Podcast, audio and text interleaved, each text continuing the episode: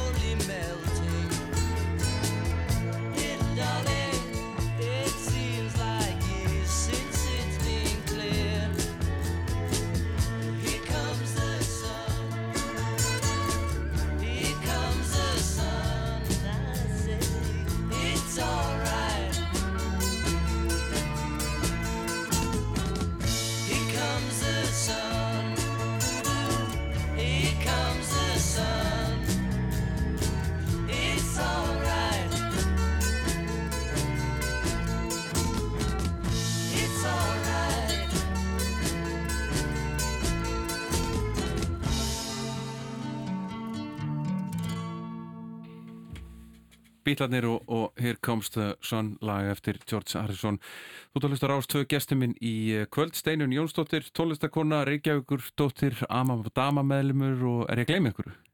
Mm, nei, Nei, þetta, er- þetta er líka meira en nóg sko danskennari. Danskennari í kramhúsinu þegar ekki Uh, nei, reyndar hjá í dansskóla Byrnu Björs. En ég Já. er að kenna rappnámskeið í kramhúsinu núna. Já, dansa rap, Dansa rapp. Rappdans. er Nákvæmlega velkomin Takk. Hvern, hva, hva, Hvernig hefur það? Ég hef það bara fínt, sko. Já, nákvæmlega Bara, maður er að reyna að fatta að það sé komið sumar. Já, Maður, er það en ekki, er það ekki bara ég er ekki alveg eitthvað komin neginn. í sömargýrin? Ég er að reyna að selja íbúð og kaupa nýja og þannig að það er svo mikið eitthvað neginn. Maður næri ekki að setjast þetta svalir alveg. Nei, já, það, það er mjög stressandi ástand að standa í því Mhm. Það er svolítið svona tekur yfir hugan manns. Já, daldi um, e, Hérna, við vorum að tala um tala það saman áður en við, áður en við fórum í lofti og hérna um, um hérna, Reykjavík-dættur og, og, og COVID og, og það, þetta allt sem að þið hérna, þið voru búin að stilla upp rosa uh, hérna, tónleikaferð bara um heiminn eða ekki til að fylgja eftir nýju blötunni Jú, það er náttúrulega bara allt farið já. Við náttúrulega, við tókum upp Softspot í apríli fyrra Já, og svo sátum við á henni ár. Einmitt. Og þetta átt að vera svona sumarið sem við værum að fylgja henni eftir. Mm svona gemdum fullt af stórum hátíðum í, svona tólstahátíðum í fyrra sumar til þess að hana spilaðum í ár í staðinn til, út með ný, nýja plöti í faratæskinu og svo ætlum við að hella nýr tún í haust og eitthvað en þetta býðir allt betri tíma. Já, 2021 Já, vonandi. Já, vonandi. Ég var sko svona, það er tvær stelpur í fæðingarorlofi núna í hljómsveitin, ég bara þetta er perfect timing hjá ykkur. Nákvæmlega Nákvæmlega uh, Herra, þú ert búin að svara spurningunum mínum? Já, Já, þú taklaðir þetta bara? já, já, ég að fugsa þetta eitthvað en þetta var gaman. Já. Þú vildi byrja á, bítlanum, Here Comes the Sun, Mm. ótrúlegt lag. Geggjalega bítlanir eru náttúrulega bara, maður verður að hafa eitt bítlalag með Já. í svona lista, sko. Einmitt, tókstu bítla tímabil, Já, fórstu alveg oflant eða eins og sumir Mm. gera? nei, nei, kannski ekki, en ég svona, ég var að hugsa um, það er ein spurning með svona plata sem það fara aldrei leiða og þá, var, og þá ætla ég að hafa bítlaplötu sem fór ég svona hlust á hana. Já, Það var alveg mikið á lögum sem ég hlustaði ekki mikið á. nei, nei, hvaða plata var það? Um, hvað, pla- það var plata með Something Einmitt, og eitthvað fleira, já, besta lagi, nei. En um, já, ég tók alveg bíla tímabill, kannski bara frá foreldrunum, smitaðist af foreldrunum, já. Yes, gott tónlistar já. uppbeldi.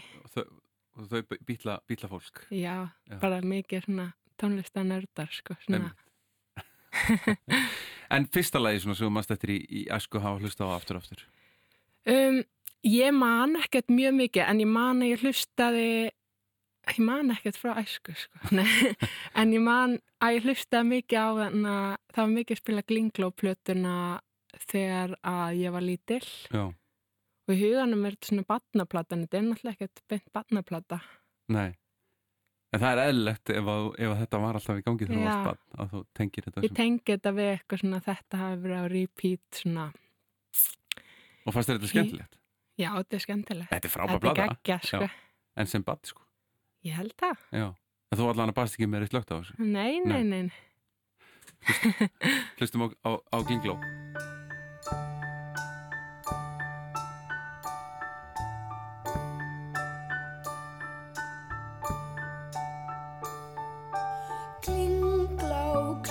Sló, mánin ofar skýjum hlá, líst upp gamla götu slóð, þar glæðleg lína stóð.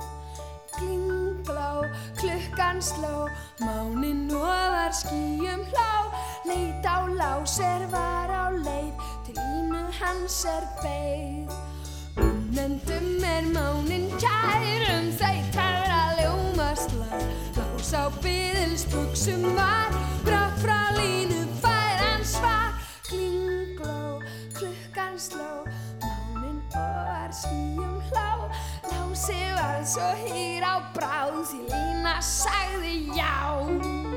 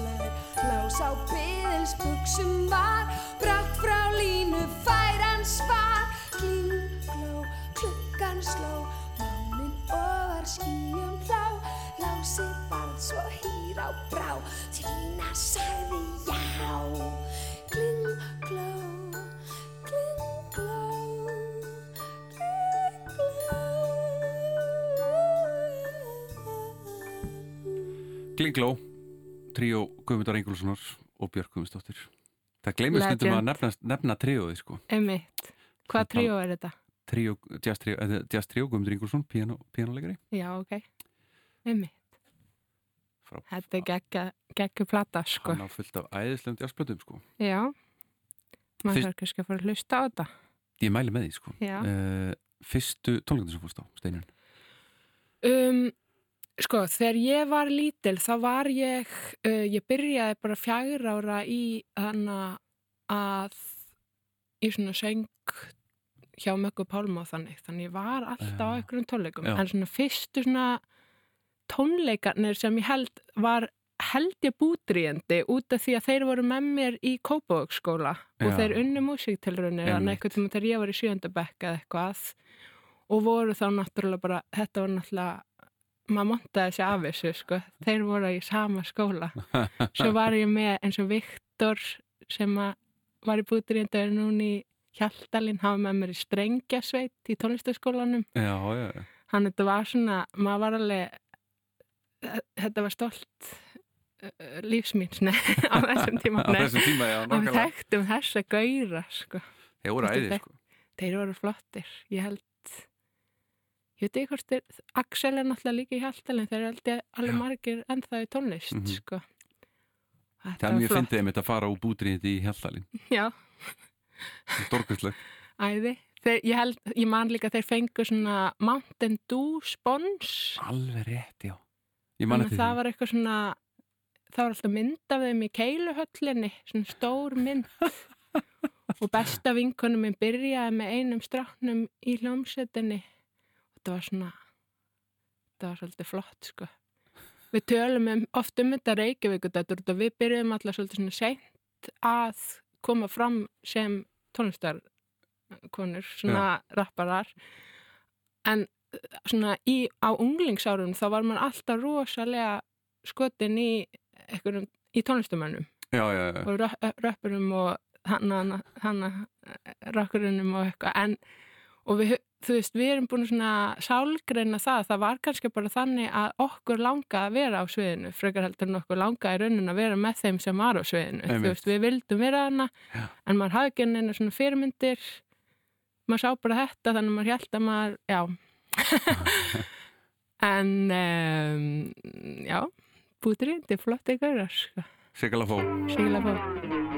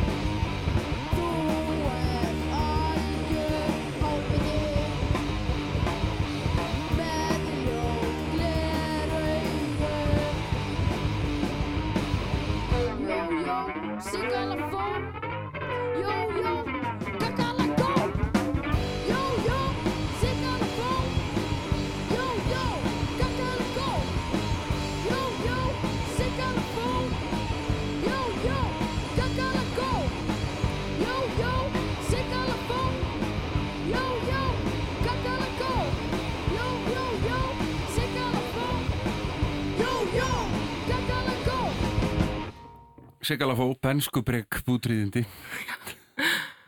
Þetta er það bara ekki klassi, í, búið til eitthvað klassísk tónverk Já, já, já. Algjörlega, algjörlega. Uh, við vorum að, að tala um hérna, fóröldræðina áðan og, og Kópó, þú elst upp í Kópói. Já, við, byggum fyrst í Vesturbænum í Reykjavík og ég var í Vesturbæskóla, við byggum í Sólutlegötu og uh, ég ólsóldi upp þanga til ég var nýjára í þarna vesturbænum og miðbænum og þannig ég var í kóri í miðbænum og eitthvað Já. þannig en svo flytjum við þegar ég er að fara í fjórðabekk þá flytjum við í Kvammanna í Kópavogi Já, og hvernig fannst þið það? Vera, hvað, Um, nýju, tíu ára? Mér, ég var alveg fljóta einhvern veginn aðlast og eignast vini og þannig með, og þetta er æðislegt hverfi, svona gróið og alltaf sól Mm um, og út af því ég var í svo mik miklum tómstundum ég var, þú veist, í kór og ég var í dansi alltaf og svona, þá held ég svolítið svona áfram í vinkonunnar úr vesturbænum með því að vera með þeim kannski dansi að mitt í kramhúsinu eða hjá Byrnum Björsp og hitta þær í þarna kornum hjá Möggu Pálma stúrnakorr Reykjavíkur. Þannig ég svona náði að halda uh, í svona þann hóp en eignaði samt líka bara mjög góða vinkonur í kópáinum líka -hmm. um, ég skil ekki hvernig mamma mín enda að skutla mér á milli eftir fjögur á hverjum degi til og frá Reykjavík en hún gerði það bara og það er, ég er þakklátt fyrir það sko. Já, nákvæmlega. Hva, hvað gera fóreldreinir?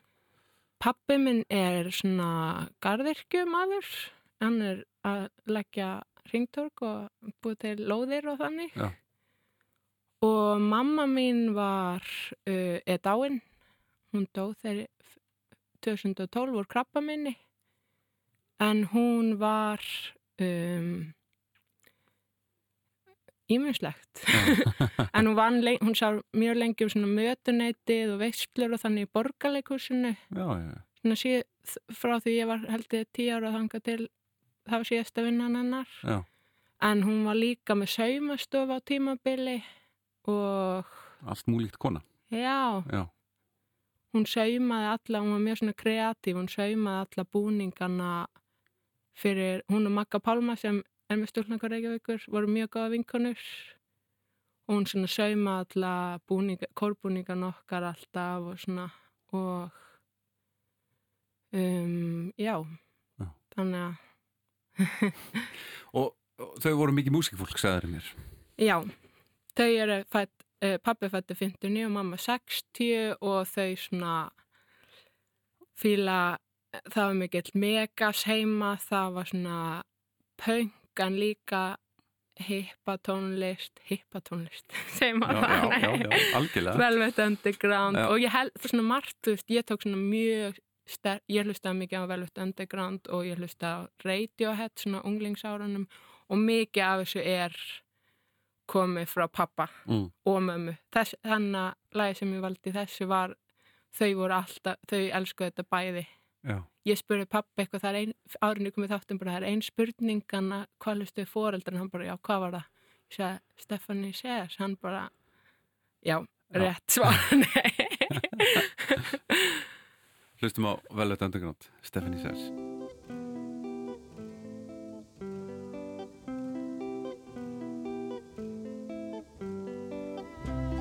Stephanie says that she wants to know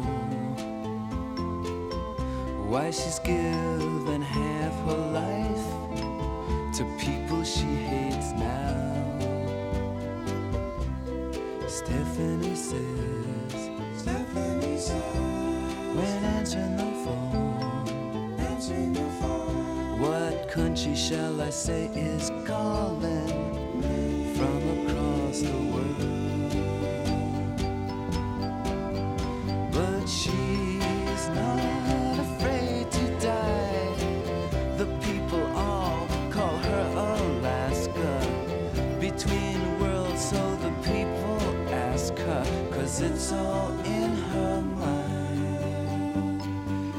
Oh.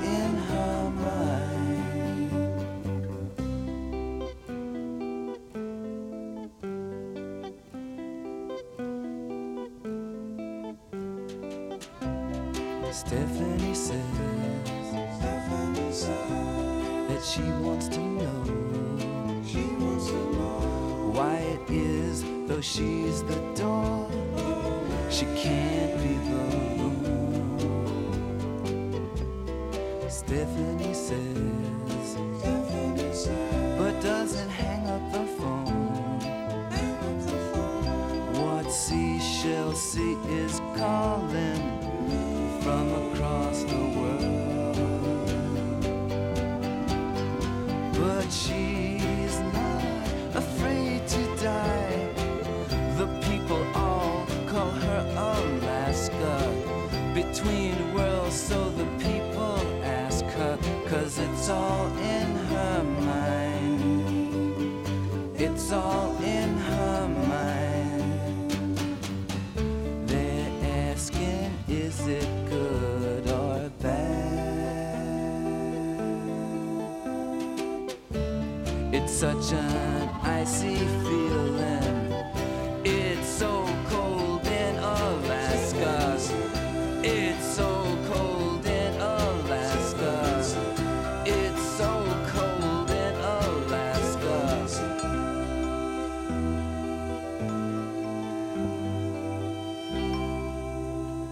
Velvet Underground og, og Stephanie Says æðislegt lag, stórkortlega hljómsveit Mhm. líka Við hlustum líka, þau hlustum líka mikið á það til hann að útgáfa eftir það sem Emilia Torini syngur þetta.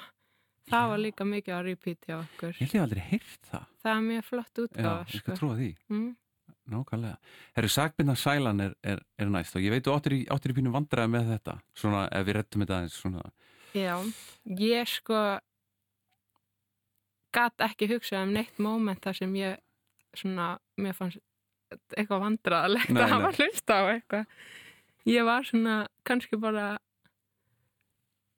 ég var alveg frekar örugur krakki og unglingur held ég, þannig að það var aldrei eitthvað svona ég held ég hafi bara sagt að ég fíla eitthvað þótt að vera astanlegt en ég hugsa, en ég valdi ég tók svona tímabil þegar ég var kannski 18-19 þar sem ég var mjög mikið á príkinu og hanga með ykkur um hip-hop liði, eldra og, en var á sama tíma að vinna öllu heimili og hlustaði mjög mikið á svona gömul íslenslög.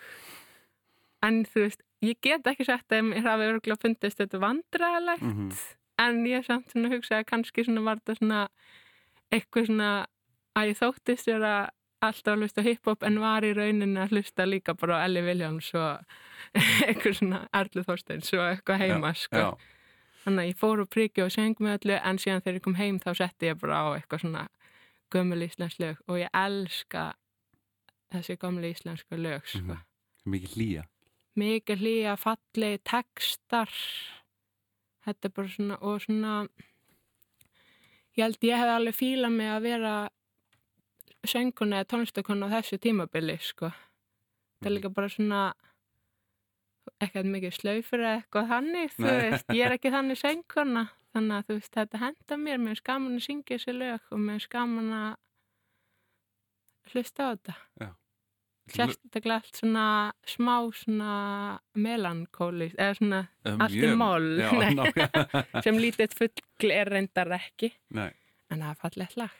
Elli, lítill fugl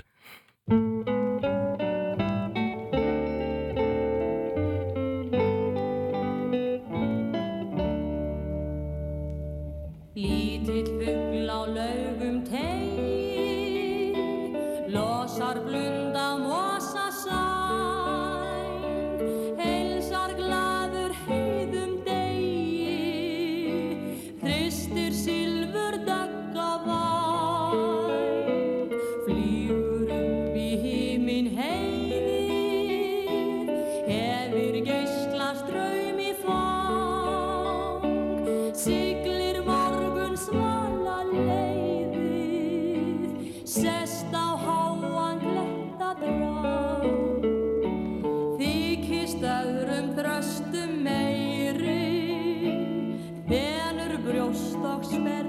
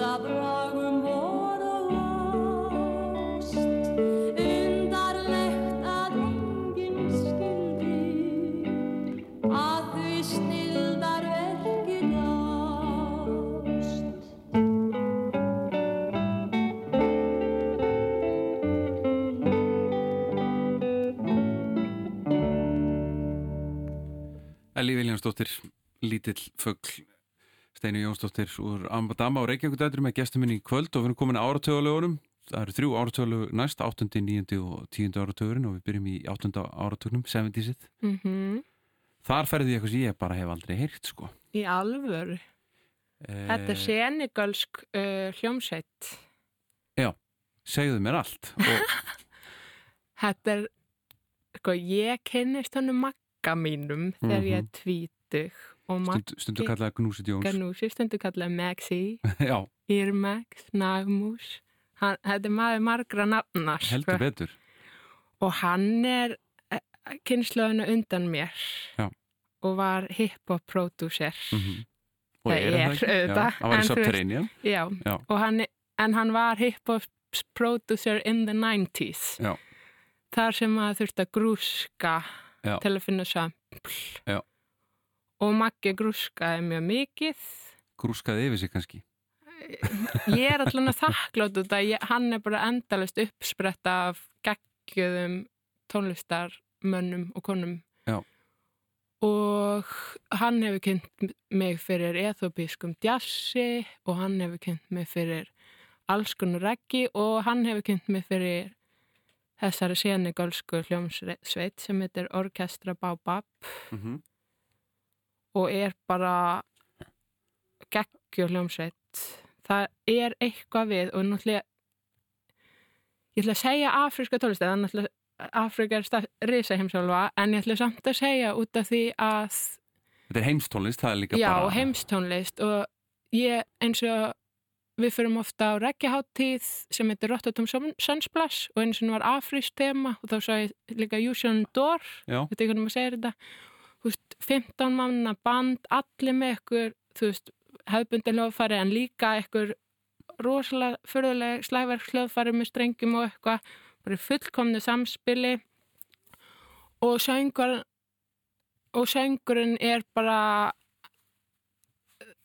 tilfinning. Já, þetta er svona það er hann að og ég meðst það líka með orkestra Bábab, þetta er svo mikil kúl, þetta er svo mikil menning einhvern veginn í hverju um tón. Mm og þetta er svo mikil svona fegurð bara, þetta er bara það maður er fær líka bara búið að vera að syngja þessa músík í, í hundruð ára sko. Einmitt, þetta er hefð og þetta er svona ég fæ það tilfinningu sem er náttúrulega að það, það sé ekki það sé verið að gera tónlist einmitt af bara frá einsta kjarna einhvern veginn. Mhm. Það er ekki verið að gera tónlist til að toppa ykkur vinsældalista eða þetta er bara verið að gera tónlist frá þú veist, ekki e eitthvað stað fyrir baku hjarta, Bara bara ið- ið- einstak iðrum. já, eðrunum, sko og bara þetta lag er náttúrulega bara geggja lag. Ég, og platan sem það er á er hana, eða Maggi á hann á Vínil. Og hún er bara æði og eitt lag sem að hann var sem að væri, e, þið getur hlusta á kæru hlustundur hvað heitir platan? ég held að þetta er Bamba. Já. en ég uh, ég er ekki alveg svona nafna. En þau heita Orkestra Bábab um, en eitt lagi heitir um, Ah, Ma- það er Mama Ma- Do Bamba já, Já. Mama Du Bamba og ég held að platan heitir Bamba og en það er líka eitt lag, íslensk lag sem er hægt að heyra sampl frá þessari hljómsveit, ekki nendur úr þessu lagi og það er lagi Tværi takinu með Gnúsa Jóns og MC Gauta og það Ah. du-du-du, du-du-du, du-du-du. það er sem sagt samt frá Orkestra Baba hlustum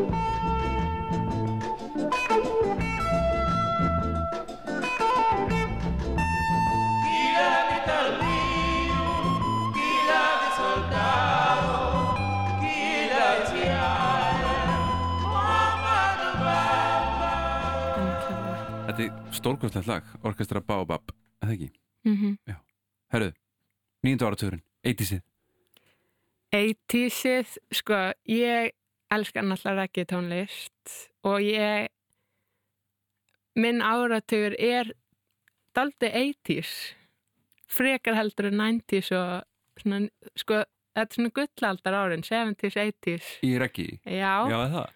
Svo núna svo kom eitthvað svona skrítið dansál tímabil og svona, ég veit ekki. En og svo núna kannski síðustu átt árun eða eitthvað hefur verið svolítið sem kalla svona The Reggae Revival eitthvað neginn sem er þá nýjir artistar að koma fram með svona rú, gott roots Já. reggae Já, og svo, svo, svo verður þessi ofboðslega svona regatónbylgja Já, það var á undan Já, Núna en- er þessir, já, en það hjálpar sko. Já, emitt Já, í ertumennum bara í popheiminum algjörlega sko.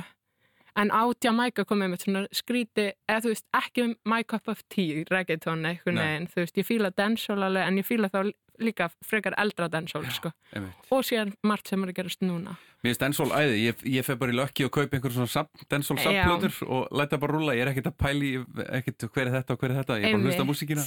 Algjörlega og það er oft líka í reggae er oft svona sami takturinn notaður af sami rytm rytm notaður af mörgum Já, artistum nákvæmlega, Og það er vonlust að það- fylgjast með þessu Já, og mér finnst það svo geggjað og ég held það var mjög gaman að prófa að gera það hér, þú veist, að bara eitthvað gerir rithma og síðan bara gera Hjálmar sitt teika á því og við okkar teika á því og teitur sitt teika, æ, þú veist, ég Já, held það var nákvæmlega. geggjað, sko. Því er bara, mér finnst að amma damarflokkurinn eigi bara að koma þessu stað Já, sko. við þurfum eiginlega að prófa það, sko. En Já. þetta er sem sagt einn uppáhalsgauri minn, hann heiti Gregory Isaacs. Já. Og hann er svona náttúrulega bara legend.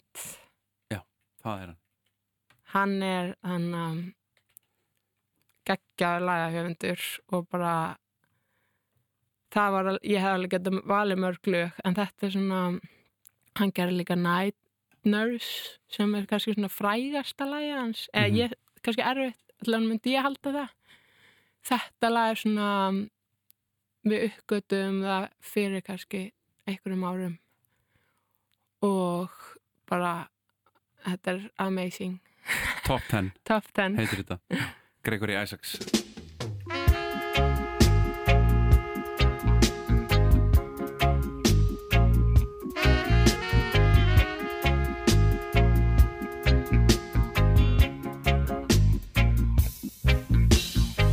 Please don't you hurt her, though she once true and arrow in my heart.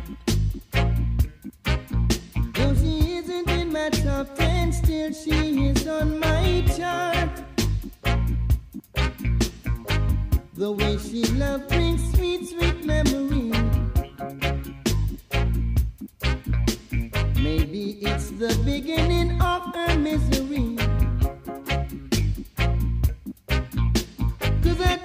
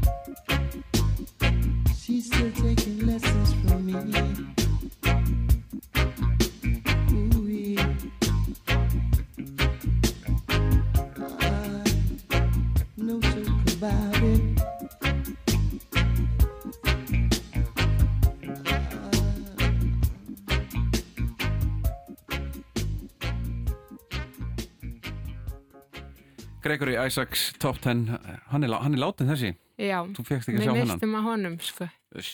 En maður heyrir alveg amba dama hérna, Já, svona, það er alveg áhrif hann er alveg inspiration, Já. sko. já, Hann er, ég man hann að dákóða stund sem ég gerði fyrir, með, hann að, hvað, fyrir tveimur árum með eitthvað, það var mjög inspirerað af Gregory Isaacs. Hann er líka svona, um, það er svo skam, ég hef smá svona gaman af svona ástarlegu með smá tvisti í textunum. já, það er svona, já. sem er svona, að þetta er romantist og hlustum við svona aðeins betur að svona, eða er þetta romantist? er þetta smá skrítið Tíð- scenarjó?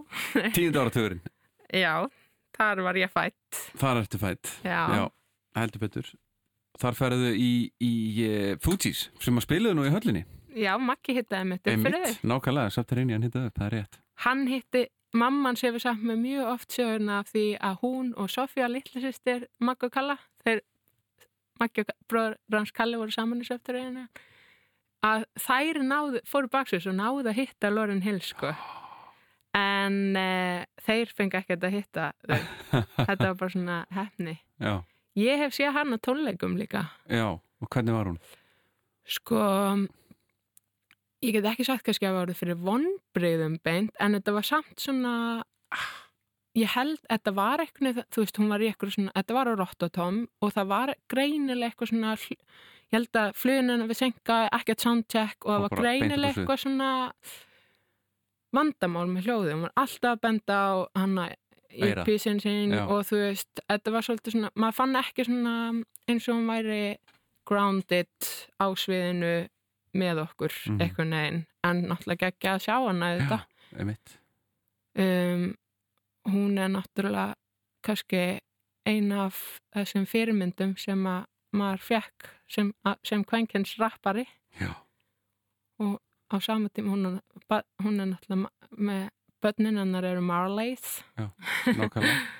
Hann er líka hann er ekki reggi kona og, og svo er hún bara með þessa einu blötu einhvern, veginn, svo Mhm. kom ekkert meira Emitt. og ég hlust, ég var svona að hugsa hvort ég ætti vel eitthvað lag af henni en svo valdi ég að killa mig softly en ég var einmitt eitthvað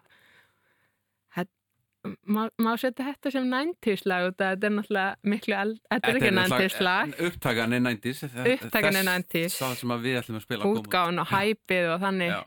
og maður, hann að pappi sagði mér að hann að Lauren, hann er líka Lauren Hill aðdánda, hann sagði mér að hún hafi sagt í ykkur viðtali að hún svona heyrði þetta lag, mammina var alltaf að hlusta á þetta lag þegar hún var í maðunum á mömmu sinni, já, já, þegar mammina var ólétt af, einmitt.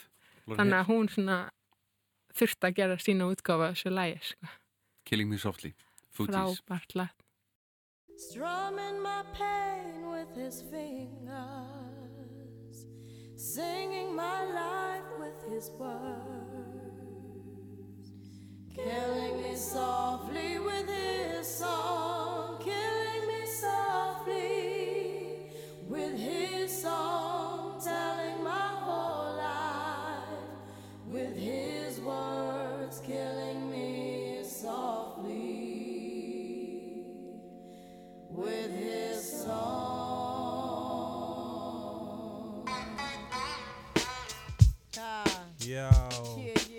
Uh-huh. Uh-huh. Cat, up in here.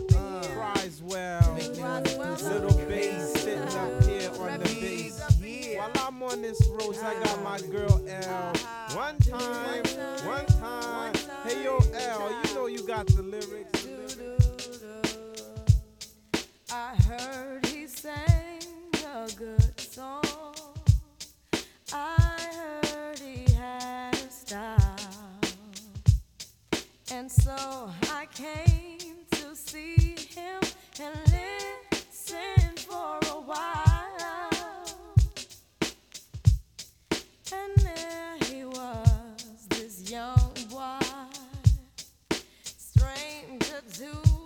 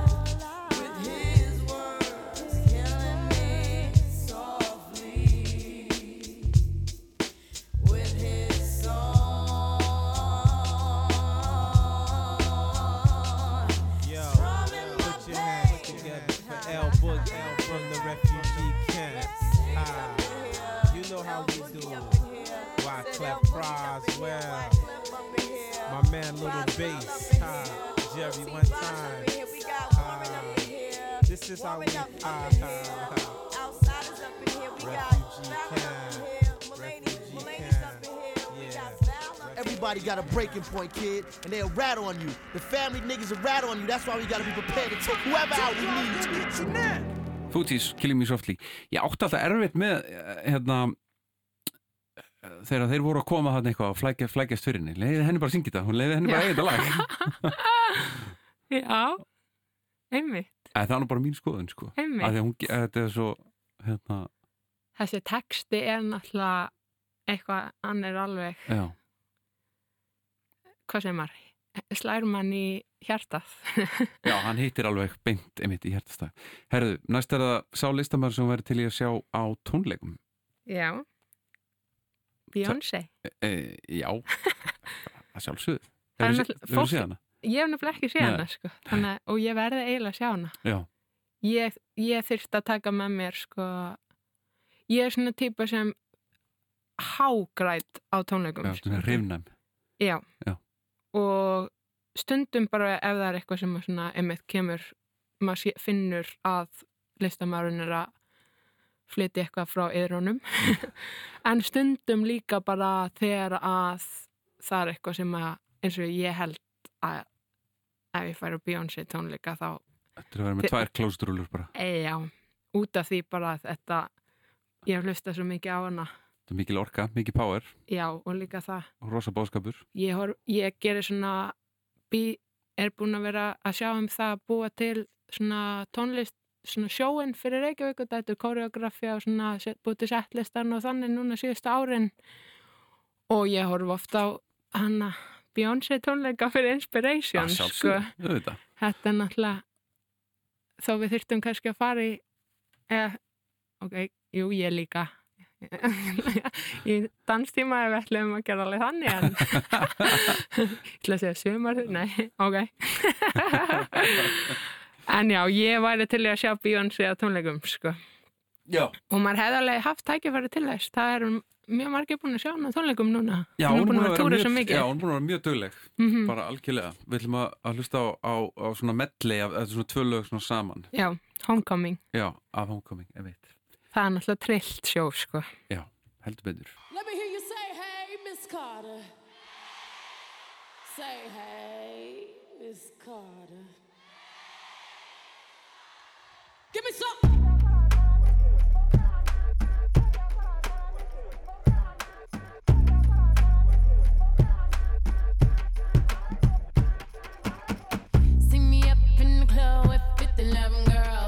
In the back, diamond in my grill. Brooklyn with my eyes sitting low. And every boy in here with me got that smoke. And every girl in here gotta look me up and down. All on Instagram, cake by the pound. Circulate the image every time I come around. G's up, tell me how I'm looking, babe. This all for you. Just walk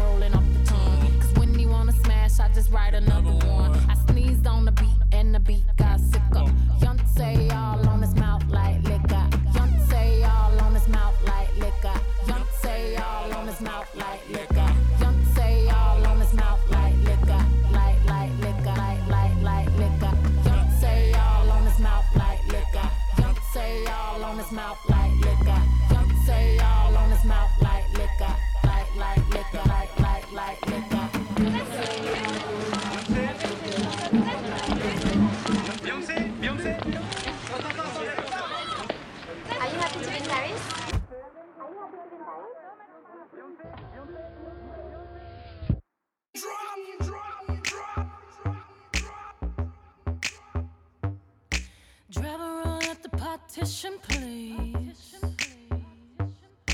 Driver roll at the partition, please. I don't need you seeing Yonsei on her knees. Took 45 minutes to get all dressed up. We ain't even gonna make it to this club. Now my mascara running red, lipstick smudge. Oh, he's so honey,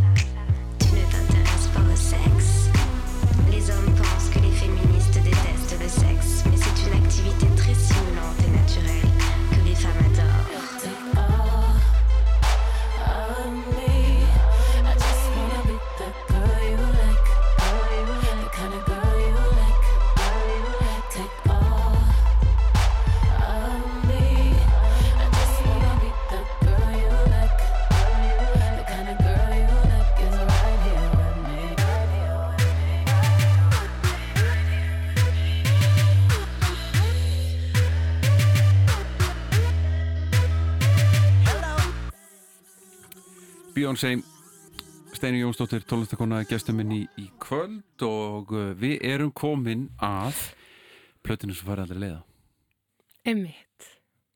Ég var alveg að hugsa um að setja kannski lemonade þar Já, en svo fatta ég náttúrulega að ég ætti eftir að setja Bob Marley á hennan lista. Reggae kongin Já, Já, hann verður, hann verður að fá eitt uh, svar, verið einu svari sko. já. Og ég Á valdi... Bob Marley leiðilegt reggae lag Nei, ég er ekki, en þú veist þau eru náttúrulega bara kannski miskoð, ég veit ekki, þau eru Já, allt góð samt. Já, miskóðið mitt, ég held ég nefnilega ég hafa ekki heyrt Marley lag sem Nei. er svona, oh, oh, nei þetta er ekki Hann er ekki alltaf lélegt lag. Nei. Og kannski ámar ekki að segja neitt lag sem lélegt. Þau eru öll vel, hann, um, þetta er bara smekkur. Já, já, En þessi platal, Anna Legend, er náttúrulega, það eru öll lögin hann bara, hvað sem að classic. mhm, Þetta er bara allt lög sem að lifa enn í dag Já. og maður getur hlusta á endalust. Já.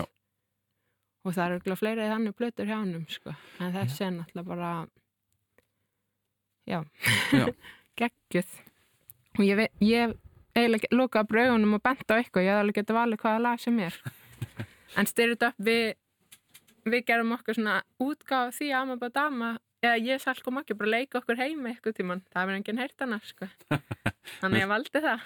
já Frábært lag, styrð upp Marley ekki ambadama Kanski fá að heyra það eitt daginn Já, já.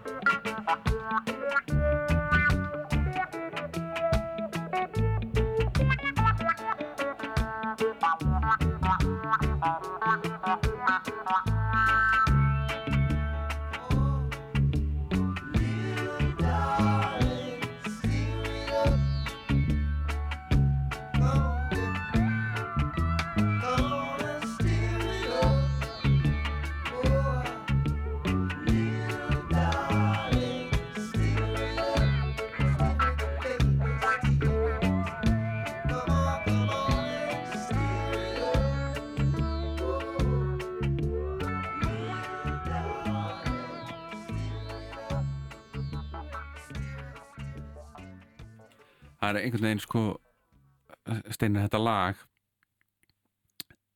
maður bara einhvern veginn það kemur bros Mhm. þetta er þannig lag bara svona, algjörlega svona nutta, rugga maður haustum aðeins Mhm.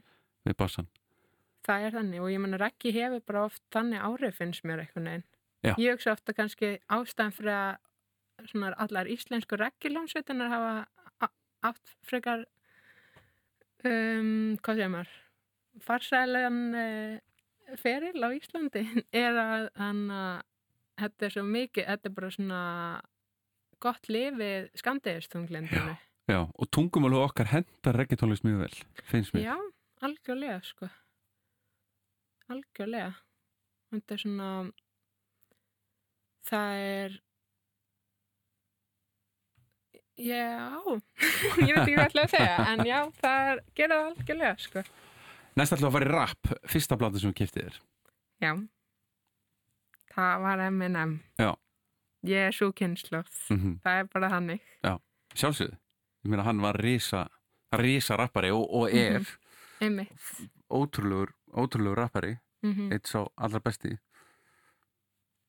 Já, já, hann er, þú veist, ég hlust ekki á mikið á M&M í dag, ekki sérstaklega þetta ný, með stann ekkert vera búin að vera að gefa út eitthvað geggjulög upp á síðkasti, sko. Nei, en st- stendur alveg Já, og eitthvað, ég veit ekki, við áttum plötuna sem hann gaf út á undan þessari, eða sem var með hann að stan Já. og einhverjum fleiri lögum og ég var með svona diskmann að keira hringin í kringum landi með mamma og pappa og var alltaf að hlusta þetta. Og svo keipti ég með þessa plötu og hlusta á þetta bara á repeat og kunni öll lögin utan að. Og var örgulega að rappa með og ég skil alveg að það var alltaf bara æst einan getur núna hætt út um að satt þú veist með í eironum og satt aftur eitthvað. I got some skeletons in my club eitthvað, ég veit ekki hvort það var flott sko, en Ég lendir þetta við um daginn að ég var í leigubil með einhverjum að fara í eftirparti held ég. Þetta er fyrir máð tíma og með einhverjum röppurum svona random vinum okkar og ég svona einhverju hluta vegna fer ég að rappa hanna Cleaning Out My Closet af þessari plötu. Já, einmitt. Ég kann það. Og það voru leigubilstjórin og hinn er hann var endar eitthvað en allir hinn var í góðum gýrana Mistusis var bara, wow, var ekki að merkilegt að ég kynni þetta. En ég vinn náttúrulega við þetta. Nákvæmlega, nákvæmlega. Við ætlum að lusta á M&M og lægið er... Uh, hvað valdi ég? Without Me? Já. Obi Trice, real name, no gimmicks. Two trailer.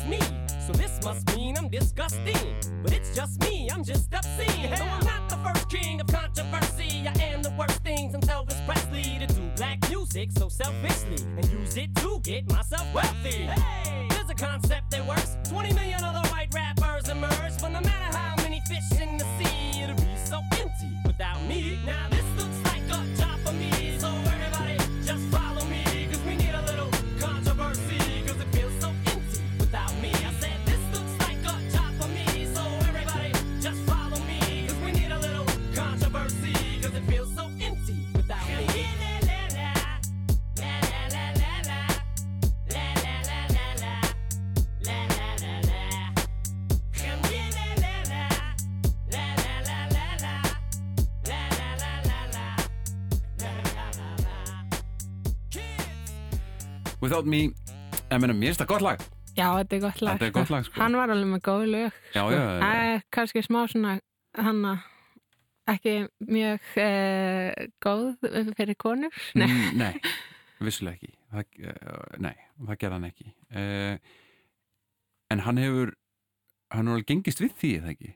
Jú, ég held að hann er orðin edru og Já, ég held að hann sé alveg búin að sjá að sér sko. Já, held ég líka sko.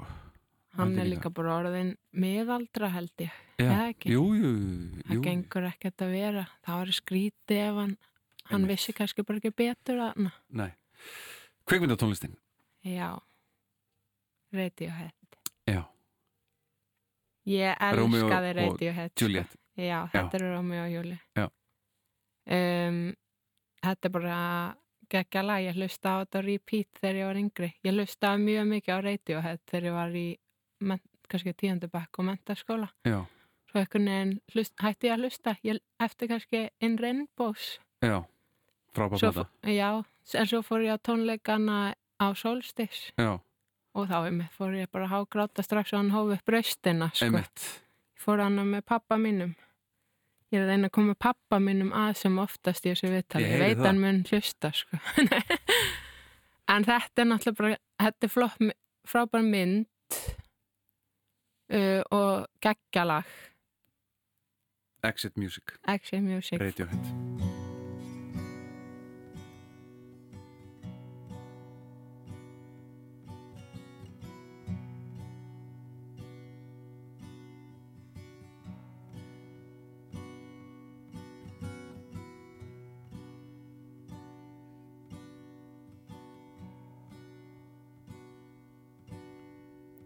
Wake from your sleep.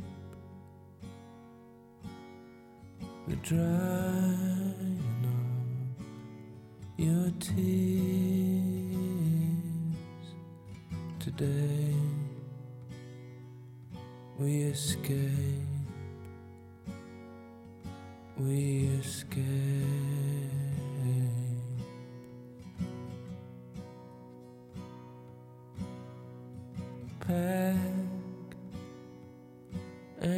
Dressed before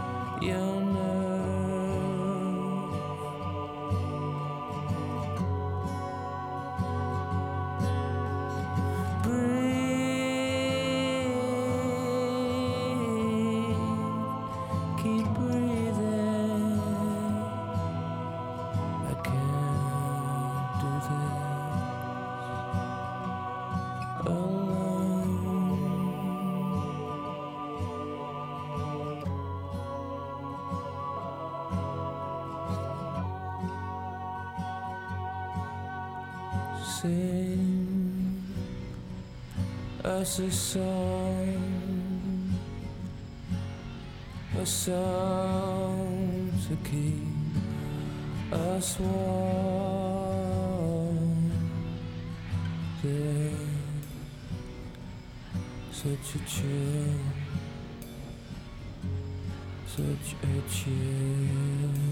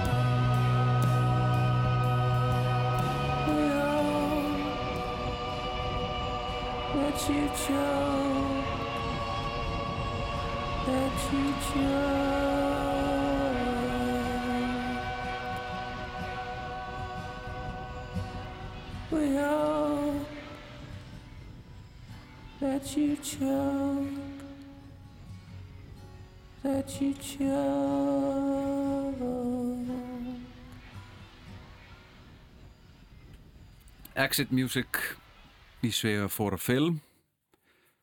Tom York og Radiohead, ótrúlegu söngari Mhm. ótrúlegur. Uh,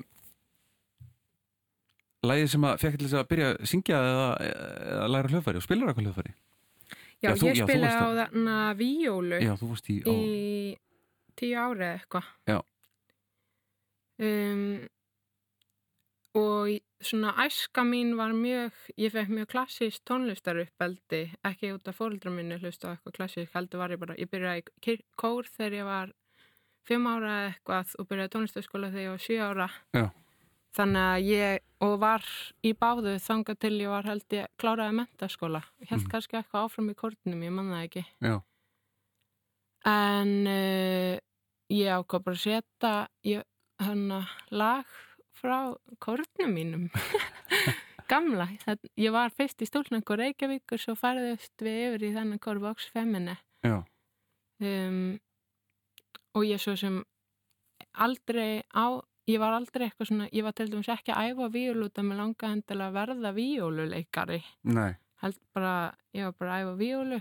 Mm um, og ég ætlaði heldur aldrei endilega að vera söngkona Nei. en tónlist er bara svona það tógar já og bara einhvern veginn rataði inn í þetta en tónlist en að því sagði það eins og ég segi ég var alveg í tónlistaskóla fjóru sinnum í viku í tíu ár og hann kór einu sinni til tvisar í viku þannig að það er kannski ekkert skrítið að ég hafi síðan eða það er líka bara eins og ég sagði í byrjun mamma var að skuttla mér hann og milli endalaust þannig að það er kannski bara gott að þetta hafi síðan nýst mér Já. vel Haustvísur Maríu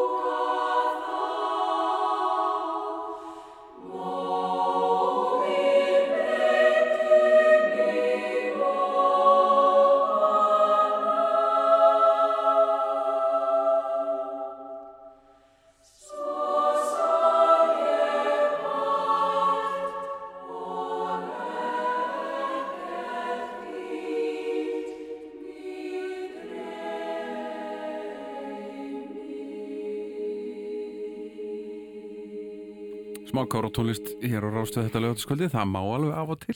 Haustísur Marju, gamli kóriðinn Steinun, mm Vox Femini heitir hann. Og hann er ennþá starfandi, það ekki? Jú, Já. hún, það er komin annar stjórnandi reynda Magga Pálma stofnaðan en hann er ennþá undir tónlistaskólanum hennar, söngskólanum. Já.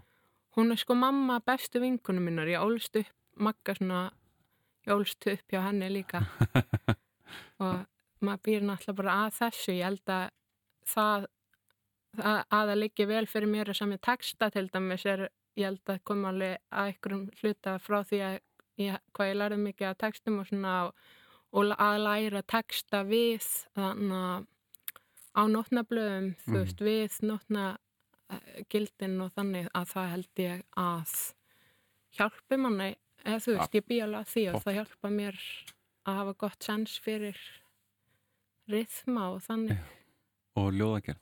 já, ég held Nákvæmlega. það Nákvæmlega. Ég held að það sé bara alveg svona sem að læri texta og líka því meira sem að les bækur held ég Já. betur sem að kynnist tungumálinu sko. Ertu duðlega að lesa? Ég las mjög mikið þegar ég var yngri. Já. Núna hlusta ég me- meira á Storytel og þannig. Já. Hvað er þetta að hlusta á núna? Eða að lesa? Núna er ég að, hlusta bók sem heitir Three Women. Hún er reyndar á ennsku. Svo hlusta ég mjög, er ég búin að vera að hlusta með síni mínum sem er sjöra á Harry Potter. Við erum búin að, hlu- ég var algjör Harry Potter típa og hann núna byrjaði að hlusta á þetta þegar þetta kom inn á Storytel og er búin að fá að hlusta á alla bækunar tvísvar held ég allar í gegn sko. hann kann þetta utan að og það, ég held finnst þetta er svo dýrmætt náttúrulega Mhm. að þannig að get, þegar börn svona hafa áhuga á að lesa eða hlusta á bókmentir út að, að eins og ég segi, maður kynnist tungumálinu svo vel og, Já. og ég er mjög mikið svona uh, frásagnar sökker einhvern veginn ég læri kvikmyndafræði og í háskólanum og ég held að svona ástæðan fyrir að ég elska líka kvikmyndur svona er bara frásagninnar Einmitt. Þannig að já, Já. Íslenska lagið. íslenska lagið uh, er auðvitað bara tvær stjörnur eftir megas Að sjálfsögðu. Það er ekkert að flækja þetta neitt. nei, nei, nei, nei, Nei. þetta er náttúrulega bara classic Já. Hlustum á tvær stjórnur. Við þurfum ekki að ræða þetta neitt meira. þetta er bara lagið. já, true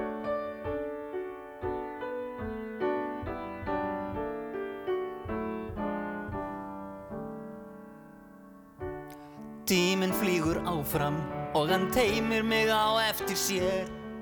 Og ekki fæ ég miklu ráðið um það hvert hann fer.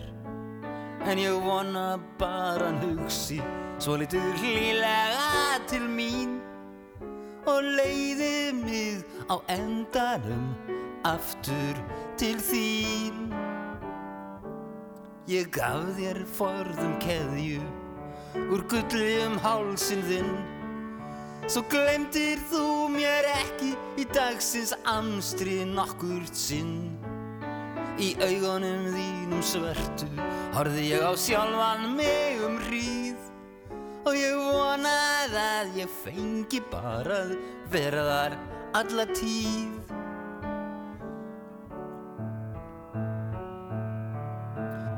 Það er margt sem ángrar En ekki er það þó byðin Því ég sé það fyrst. Á ríkinu Hvað langur tím er liðin Og ég skrifar eitthvað með fingrinum Sem skiptir öllu máli.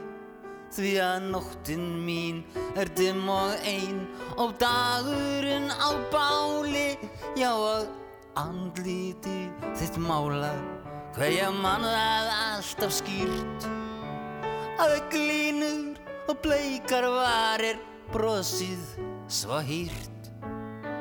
Jú, ég veit vel að ókeipis Er allt það sem er best. En svo þarf ég að greiða dýru verði Það sem er verst.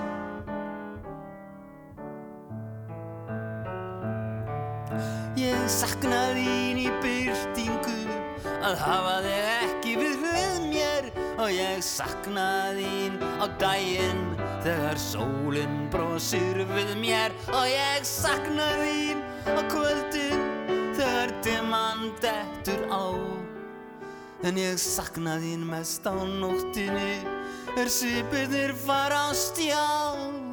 Svo lít ég upp og ég sé við erum saman að erna tvær Stjörnur á blári festingunni sem færast nær og nær.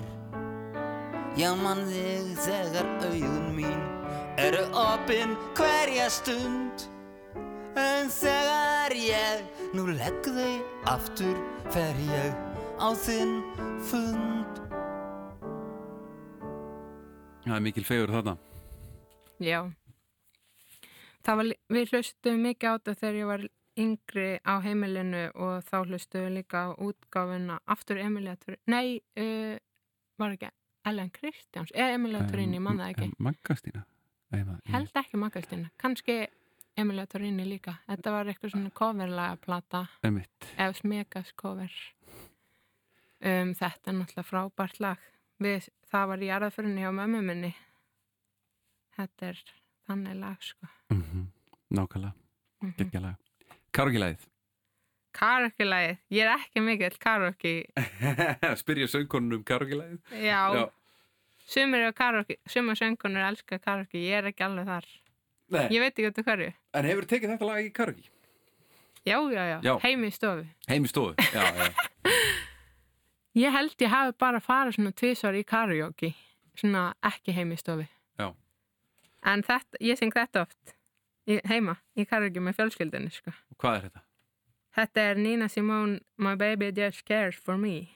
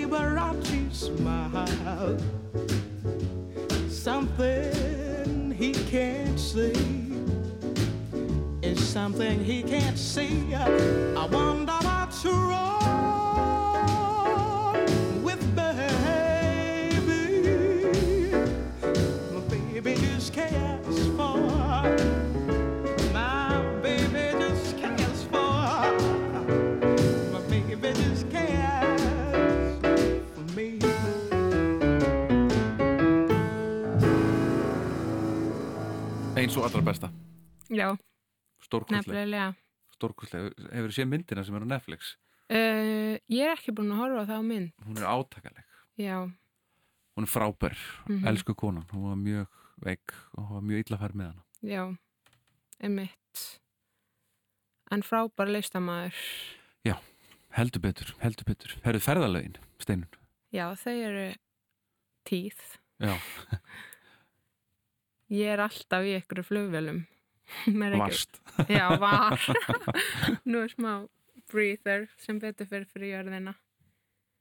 En á ferðalögum hlusta ég mjög mikið á demo, já á repeat. mhm, Það er bara eitthvað sem þeir eru að vinni Já, Já, bara ég hlusta líka alveg eitthvað annað en ég svona oft þegar ég seti í flugvél þá seti ég eitthvað svona demo sem að við erum af Amabadama-plutunni eða af Reykjavíkudættra eða þá er ég líka að vinna eitthvað svona með makka eitthvað svona smá eitthvað annað, ég veit ekki hvað það verður en smá meira dub eitthvað, aðeins annar hljóðheimur. Þetta er líka reggi en samt svona ekki alveg saman hljóðheimur kannski á Amabadama. Um, og ég svona hlusta á lögin sömu lögin bara aftur og aftur og aftur Já. og bara svona dáið staðið með að þá reyna að finna hvað má betur fara Þú ert með eitt demo, sendi mér eitt demo Já, já, hvað bara gera það já Er þetta Ambadama demo eða? mm, Ég held ekki Nei, Ég er, held er að- ekki búin að finna þessu heimili kannski? Nei, ég held að við ætlum bara að gefa þetta út hann að ekki Amabadama Nei, Ég er allan ekki, já, Já. við erum allan ekki búin að byrja það undir aðra meðlumi, sko. og líka bara gaman kannski að vera með eitthvað annað líka, side project. nákvæmlega Um, og þetta er uh, lag sem að við byggum til fyrir svolítið löngu síðan og síðan bara fóruð honni í demóakistuna sem er mjög tróðinn og svo byrja hann að vann makkja aðeins áfram í því og setti eitthvað svona nýtísku autotune og eitthvað og gerði þetta eitthvað svolítið spennandi finnst mér sko. Já. Eh, Þetta er ljóð Þetta er hann að ljóð eftir Davíð Stefánsson. Hann er kondu inn í kofan minn er kvöld og skikja fer. Nema bara önnu laglína. Nei, ekki það, jú það. Jú, kofin Þetta er kofin Kofin, Hlustum. Yes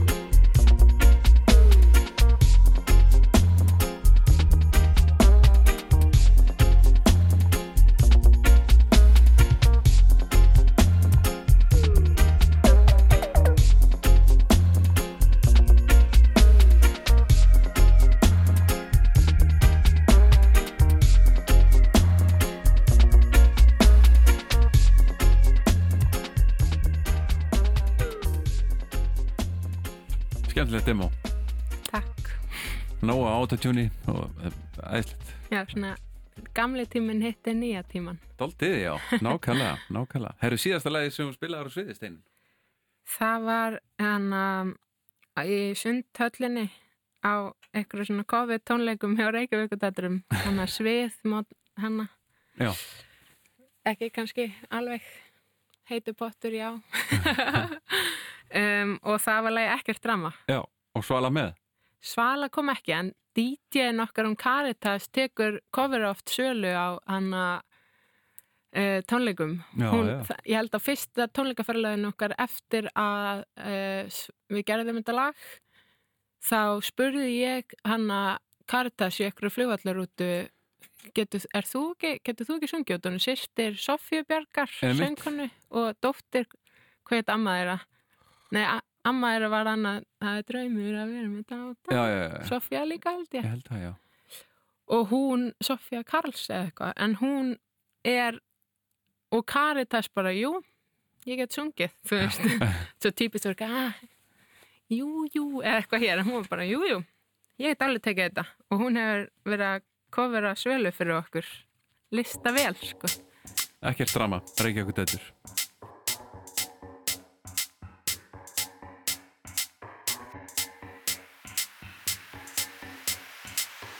Svala B Ú. Mm, ert að fara á strókjum Nokkuð að drepast í þrókju Ei, ert að reyna að ná okkur. Fyll í okkar fótspor, erfitt að sjá okkur. Stelpurna sem komu og sáu sigur Hann er sætur. Sexy kvennagull, Svala B og Reykjavíkur dætur Ég er með stelpunum þar það að fara eitthvað annað. Queens yfir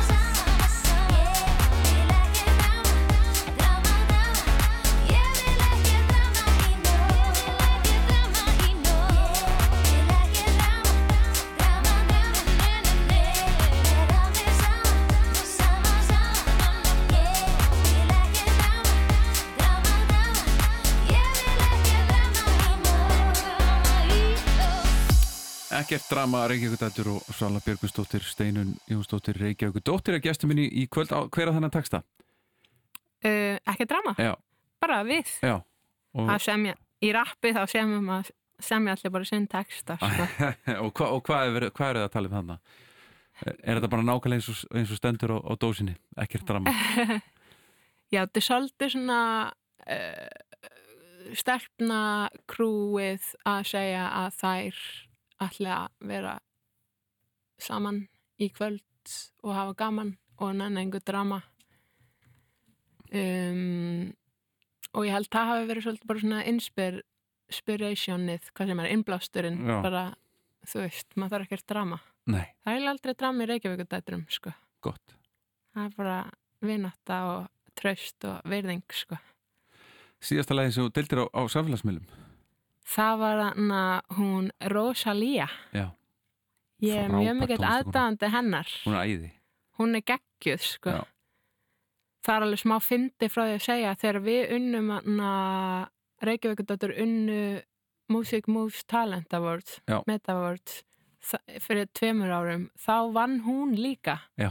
þetta er svona fyrir svona unga evróska artista sem eru að ná til hlustenda utan síns heimaland en hún og Rosalía hefur sannarlega gert það hún er náttúrulega bara orðin eitthvað stórstjarna Já, einmitt, hún, hérna, þetta er lag með Travis Scott sko, sem er Já. stærsta hip-hop-nafni í bandaríkunum. Einmitt og hún er alveg svona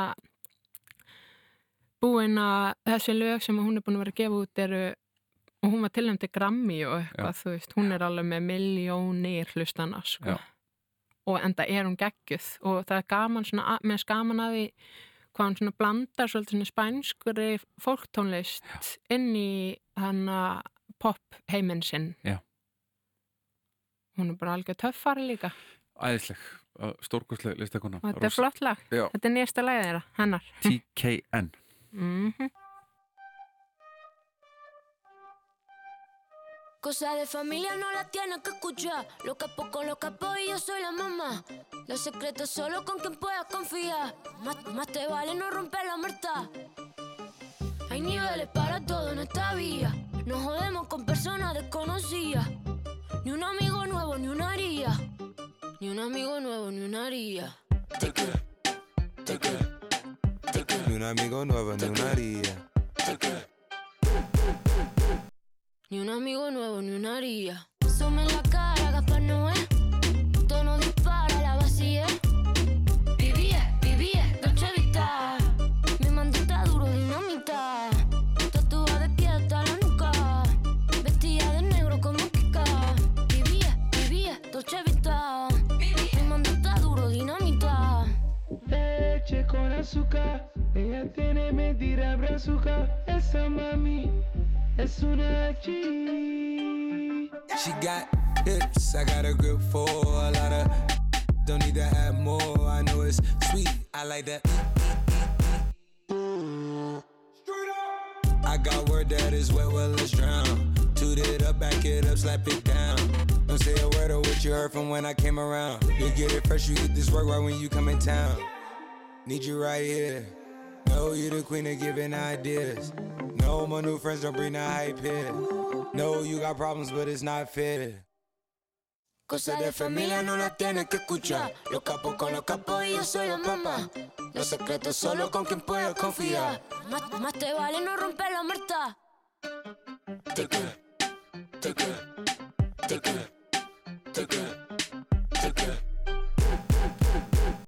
Ni un amigo nuevo, ni una haría.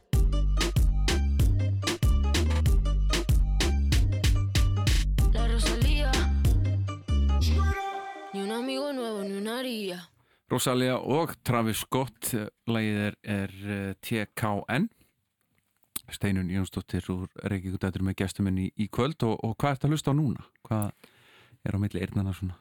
Ég er að Mikið. hlusta mikið á hana nýjan artista frá Jamaica sem að heitir Mortimer. Já, segðu mér aðeins var á honum Hann uh, er svolítið hluti af þessari hana reggae revival sem að ég var að tala um fyrir í þættinum sem er svona nýjir artistar sem er að gera svona roots geggjað roots reggi, bara Mm. svona klassist reggi.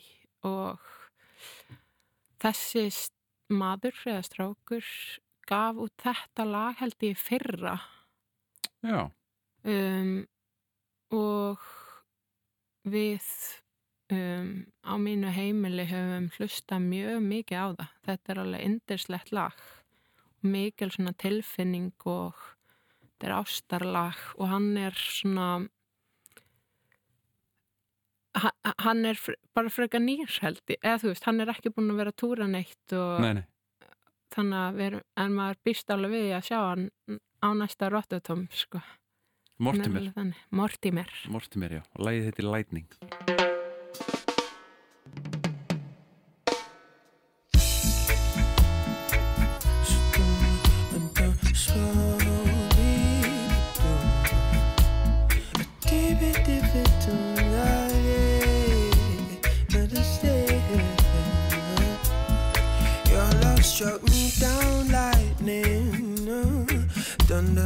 my soul, baby. My heart beats for you only. Every word is true. I'm in love with you. Take you as you are, lady. You ain't gotta change for me. Need you from your crown, honey. Right down to the sole of your very feet. Girl, my love grows stronger each day, baby. Please don't hurt me just because you know I forgive.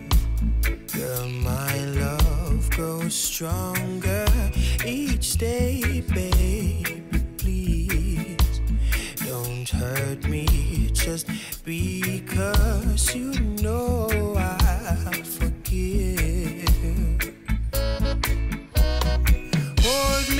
until we die. Weather together the storms of life. It won't always be sunshine.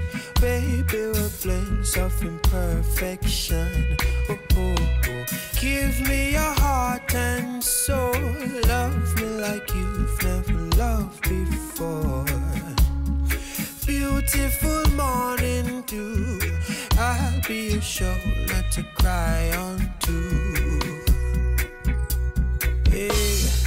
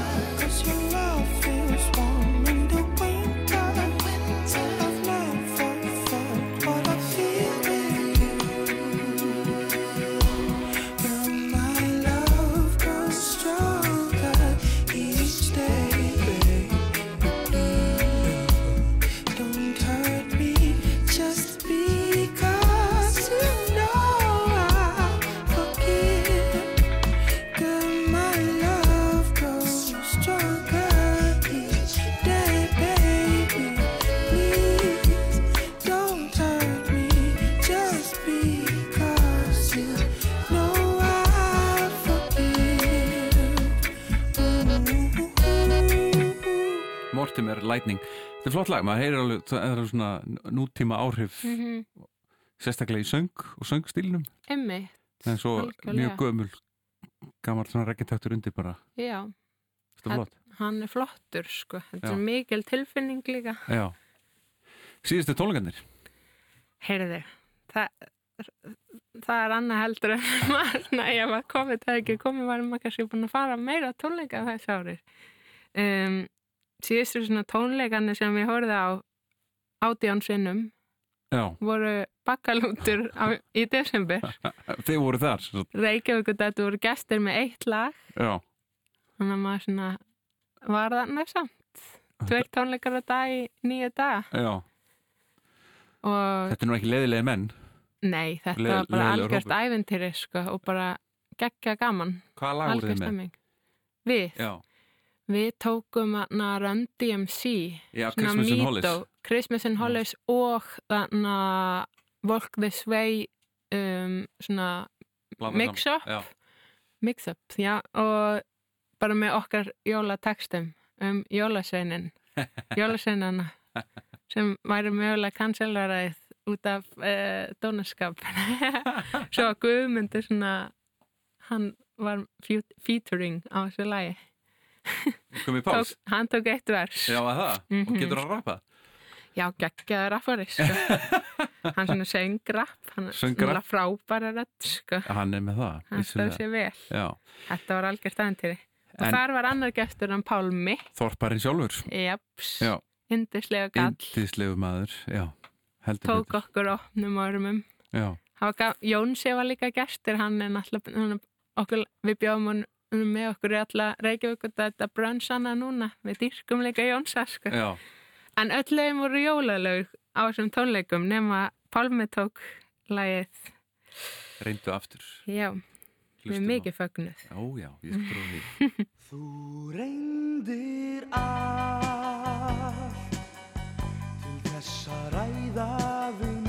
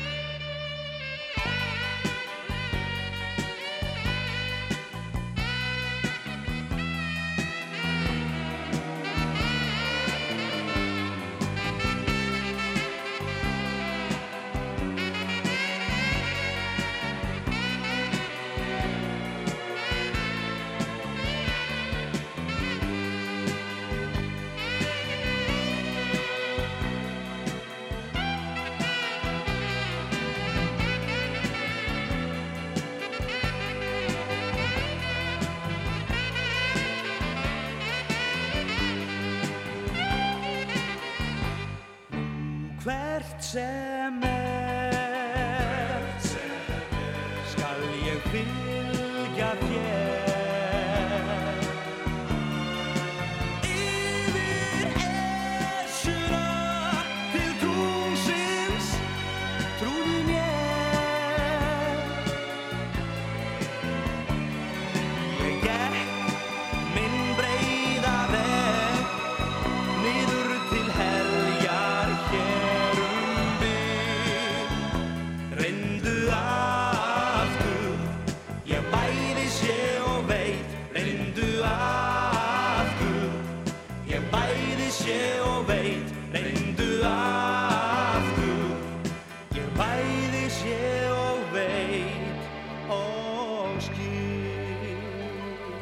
Reyndu aftur eftir Magga Eiríks, þýlgulega höfundur og Mhm. Pálminn alltaf, röddinn Já, geggjað. oh, Bara talandum, flottur, talandum sko. hlýju Algjörlega. Herru Steinu, við erum komin að- lokum Jarðaförinni. Það er bara, við erum komin að jarðaförinni Já, Já. Það verður spilað í ég- þinni jarðarför? Ég sagði sko við makka kæristu minn fyrir kannski tveim vikum bara nennir að spila þetta lag eða láta þetta lag vera í jarðaförinu minni Já. Ef svo illa vill til að ég deyja undan mér. Sem hann er nú tíu árum eldri að kannski eh, vonandi ekki en þetta lag er heitir Dreamland. Já, ég held að Peter Tosh hafi fyrst sungið en þetta er útgáfa með henni Marcia Griffiths, Griffin, Griffiths. Hver er hún? sem var held ég í ég held hún að vera eina af bakröttunum hjá þannig The Wailers. Já, já, um, og er bara frábær söngunni ég hef séð hana uh, live emitt á Rottatom Mhm. hún er alveg svona legend in the game of reggae music. Um, og þetta lag er um, bassaleikarin í Amabadama sem heitir Anders og er frá Argentínu kynnti mig fyrir þessu lagi eitthvað tíman Já. stakk upp á að ég, við myndum gera cover að því sem við gerum ekki. En ég hlusta mikið á það. Og fyrir mér er þetta svona textin hún er svolítið að lýsa eða þau himnaríki. Einhverju landi landi buska það sem að maður týnir morgumatinn sinn á trjánum og hittist aftur eða myndi taka eitthvað með sér. Og já ég held að þetta sé flott í jarðaför sko, smá vonar glæta um eftirlífið. Nákvæmlega, hlustum á Óttar Emalindi Steinu, takk kella fyrir að vera gestur minn. Takk fyrir mig